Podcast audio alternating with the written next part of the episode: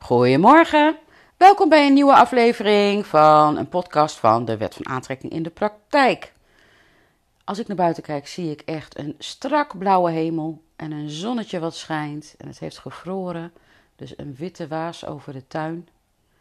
Prachtig. En dan op zaterdagochtend zo erbij kunnen zitten. Ja, dat, dat is voor mij al zo enorm genieten. Niks moeten, alles mag.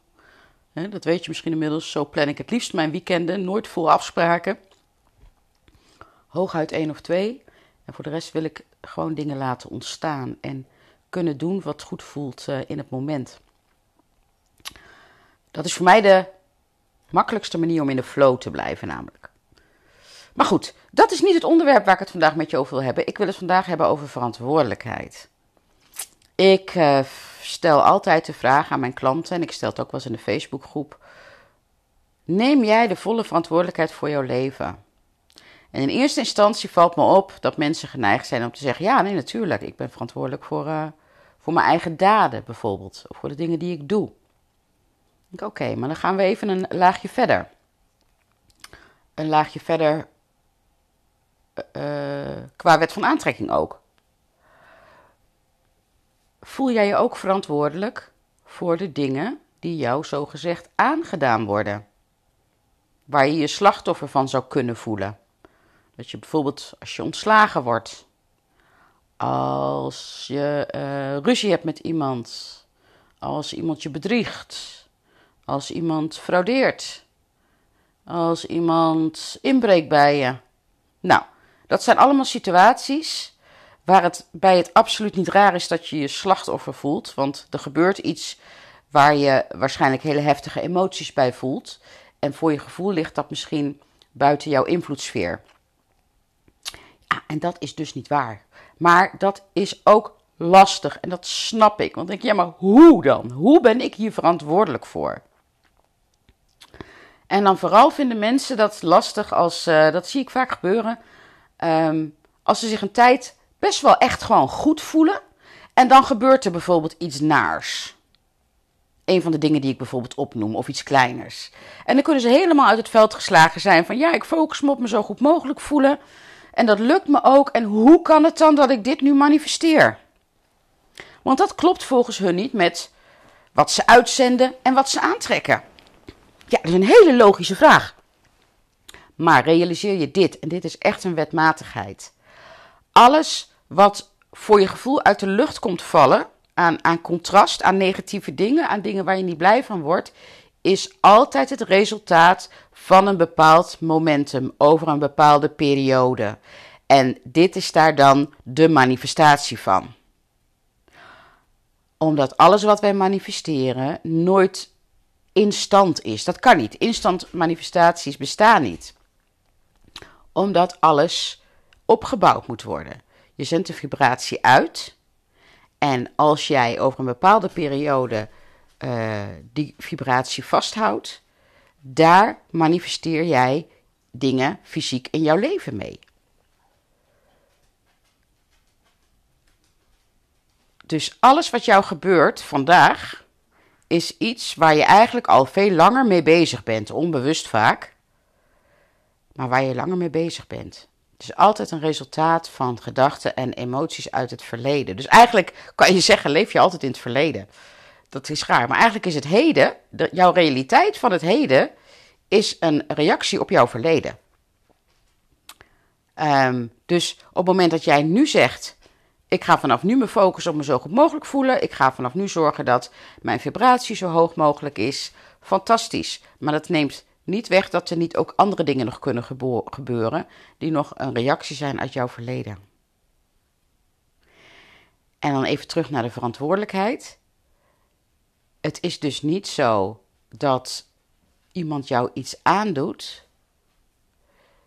Uh, jij onttrekt dat gedrag van de ander door de vibratie die jij uitzendt. En dan gaan veel mensen in de weerstand. Zeggen, en hoe kan dat nou? En hoe, waarom zou ik dat doen? En dit zou, wil ik toch helemaal niet voor mezelf? Dit is toch wel het laatste wat iemand voor zichzelf wil? Natuurlijk. Natuurlijk. Niemand wil dat. Dat doe je ook niet bewust. Dit zijn de, uh, is een resultaat van onbewust creëren. Omdat je gewoon niet zo goed weet hoe het werkt. Hoe de acties zijn, wat de reacties zijn en hoe dat uitwerkt in jouw leven. En dat geeft niks, want je bent lerende. Je bent lerende. Dus probeer ook als je dit hoort nu en je merkt dat je in de weerstand schiet, denk dan: oké, adem even een paar keer diep in en uit. Neem even een stap terug en probeer er een beetje vanuit een helikopterview naar te kijken. Dan raakt het je emotioneel even niet zo. Probeer het even als een concept te zien. Hè? Een beetje rationeel naar kijken, zodat je het in ieder geval snapt hoe het werkt. Tenminste, dat is altijd mijn manier. Even afstand nemen. Oké, hoe zit het nu? Praktisch, theoretisch, rationeel. Oké, zo werkt het nu. Oké, en wat kan ik daarmee in mijn leven? Dus bedenk eens in jouw leven wat er op dit moment gaande is waar jij niet blij van wordt. Maakt niet uit wat het is. Realiseer je dan dat dat alleen maar kan gebeuren als reactie op wat jij uitzendt. Op het moment dat jij uh, in een slachtofferrol zit en, en met je vinger naar een ander wijst, weet je wat er gebeurt? Het is niet alleen dat je je slachtoffer voelt, maar je bent ook krachteloos en machteloos. En als iets toch een vervelende emotie is, ik neem aan dat je dat met me eens bent, is het als je je krachteloos voelt en machteloos voelt. En dat is nu een van de dingen die ik zo fantastisch vind aan de wet van aantrekking: dat die bestaat. Dat ik altijd mijn eigen kracht en macht terug kan pakken. Dat de wet van aantrekking mij leert welke enorme invloed ik heb op mijn eigen leven. En misschien is dat ook een beetje omdat ik een soort van controlfreak ben. Of was, moet ik zeggen. Ik heb de dingen graag in eigen hand. En dit is dus voor mij echt casie, dat snap je. En de meeste mensen hebben de dingen graag zelf in eigen hand. Hè. Controle loslaten is iets wat we gewoon lastig vinden. Als reactie op ervaringen uit het verleden. Maar die doen er lekker niet meer toe, want je hebt alleen maar met het nu te maken. In waar je je focust, bedoel ik dan. Want hoe voelt het slachtoffer zijn? Zeg eens eerlijk, hoe voelt dat? Dat voelt toch of je overgeleverd bent aan, aan de grillen van een ander.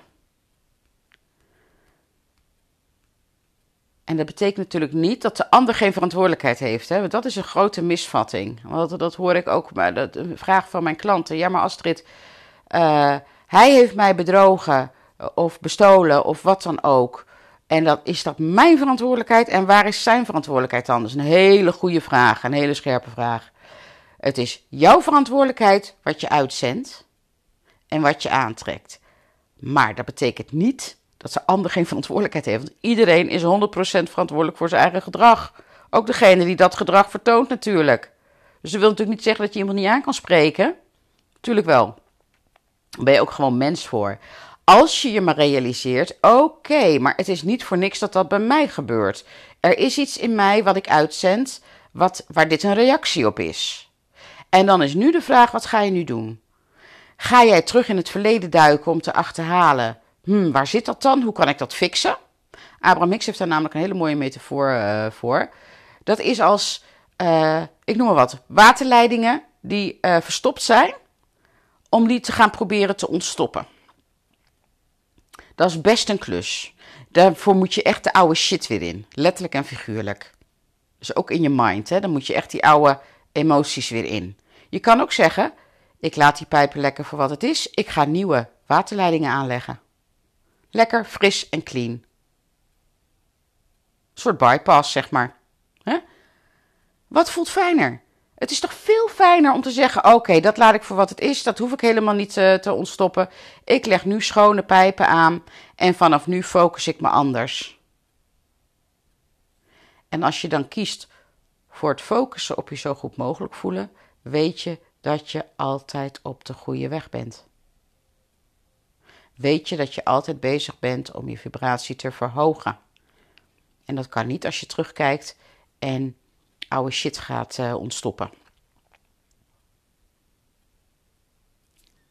Dus waar kies je voor? Kijk nog eens naar je leven. Wat, waar voel jij je slachtoffer? Ik zeg niet dat ik me nooit slachtoffer voel hoor. Nee hoor. Alleen bij mij komt, ik kan het gewoon niet volhouden, omdat ik meteen terugkoppel. Ja, maar Astrid, wat is jouw aandeel in dit geheel? Misschien weet je dat niet, misschien ehm, voel je dat niet, maar het is er wel. Ik weet gewoon als feit dat het zo is. Net zo goed als ik dat als feit weet dat als ik een bal omhoog gooi, dat hij op de grond valt. Ja, wie zijn schuld is het dat hij op de grond valt? Hoe komt het dat hij op de grond valt? Dat is de zwaartekracht. Ja. En daar kan ik niet omheen. Ik kan niet om de zwaartekracht heen. Je kunt ook niet om de wet van aantrekking heen. Wat je uitzendt, trek je aan. En uh, wij, wij als mensen zijn dan geneigd, nou ik zei het eigenlijk net al, om dan, als er ergens een probleem is, een probleem, om daar helemaal in te duiken. Hè? En dan denken we dat we met de oplossing bezig zijn. We gaan helemaal het probleem induiken. Wat is, dat is eigenlijk het ontstoppen van die oude leidingen. Terwijl je kan zeggen: nee, ik ga me richten op de oplossing. Ik ga nieuwe pijpen aanleggen. Ik ga vanaf nu uh, zorgen dat ik me zo goed mogelijk voel. Ik ga me vanaf nu focussen op alignment. Ik weet hoe ik me wil voelen. En als ik daar maar steady genoeg in blijf, zijn de manifestaties daar een, een gevolg van. Dat kan niet anders. En dat betekent niet dat je nooit meer contrast meemaakt, hè? Want contrast hoort bij het leven. Contrast is een manier waarop wensen lanceren. Zonder contrast geen wensen. Zonder wensen geen manifestaties. Zonder manifestaties geen leven. Zonder leven is er niks. Zijn we uitgestorven. Bestaat er geen aarde, bestaan, bestaan er geen planeten, geen heelal, geen universum, geen niks. Geen niks, dubbele ontkenning. Bestaat er dus niks. Dus veroordeel contrast niet. Dus als je dan ergens aandacht aan wil besteden, kijk dan hoe jij contrast op een andere manier kan benaderen. Zodat het je niet zo uit het veld slaat, maar dat je denkt: oké, hmm, ik heb dit aangetrokken. Er zit namelijk altijd waarde in, hè? Daar heb ik al eerder een podcast over opgenomen, maar herhaling, uh, je kan nooit kwaad. Welke waarde heeft contrast voor jou? Het lanceert acuut een wens. Acuut, dat gaat standaard. Daar kun je niet omheen.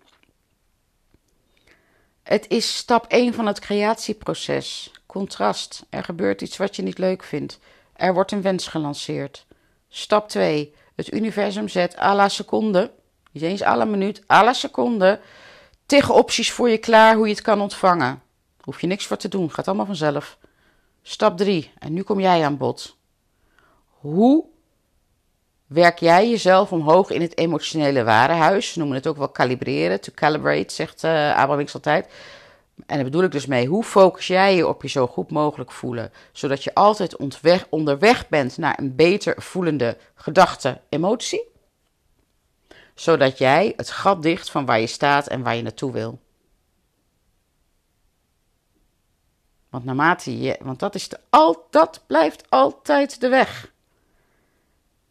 Je zult je in het nu beter moeten voelen. Je zult je in het nu, wat voor jouw gevoel ook aangedaan is, je zult, jouw verantwoordelijkheid is om je nu beter te voelen dan dat je deed.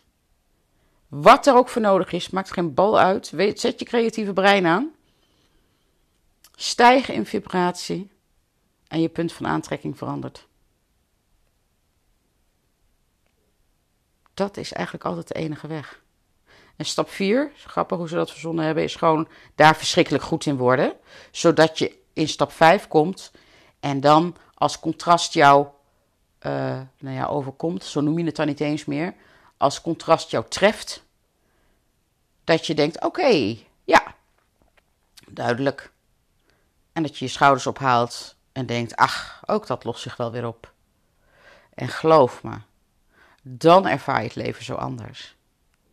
Maar het is dus wel nodig dat jij de verantwoordelijkheid voor je leven neemt.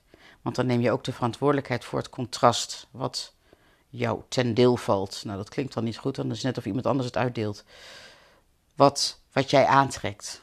Jij bent verantwoordelijk voor het contrast wat jij aantrekt. Als jij daar de volle verantwoordelijkheid voor durft te nemen, neem je de volle verantwoordelijkheid voor je leven.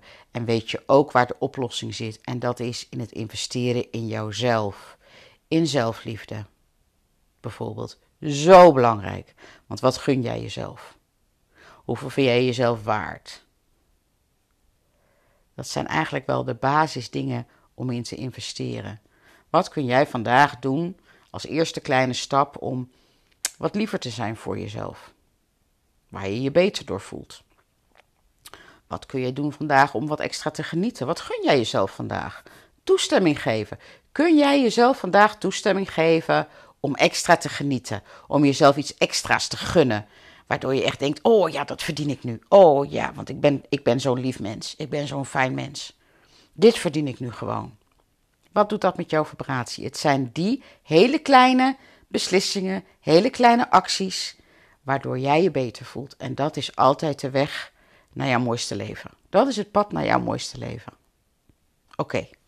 Ik hoop dat dit van waarde voor je was. En uh, dan zou ik zeggen: geniet van deze fantastische dag. En tot de volgende!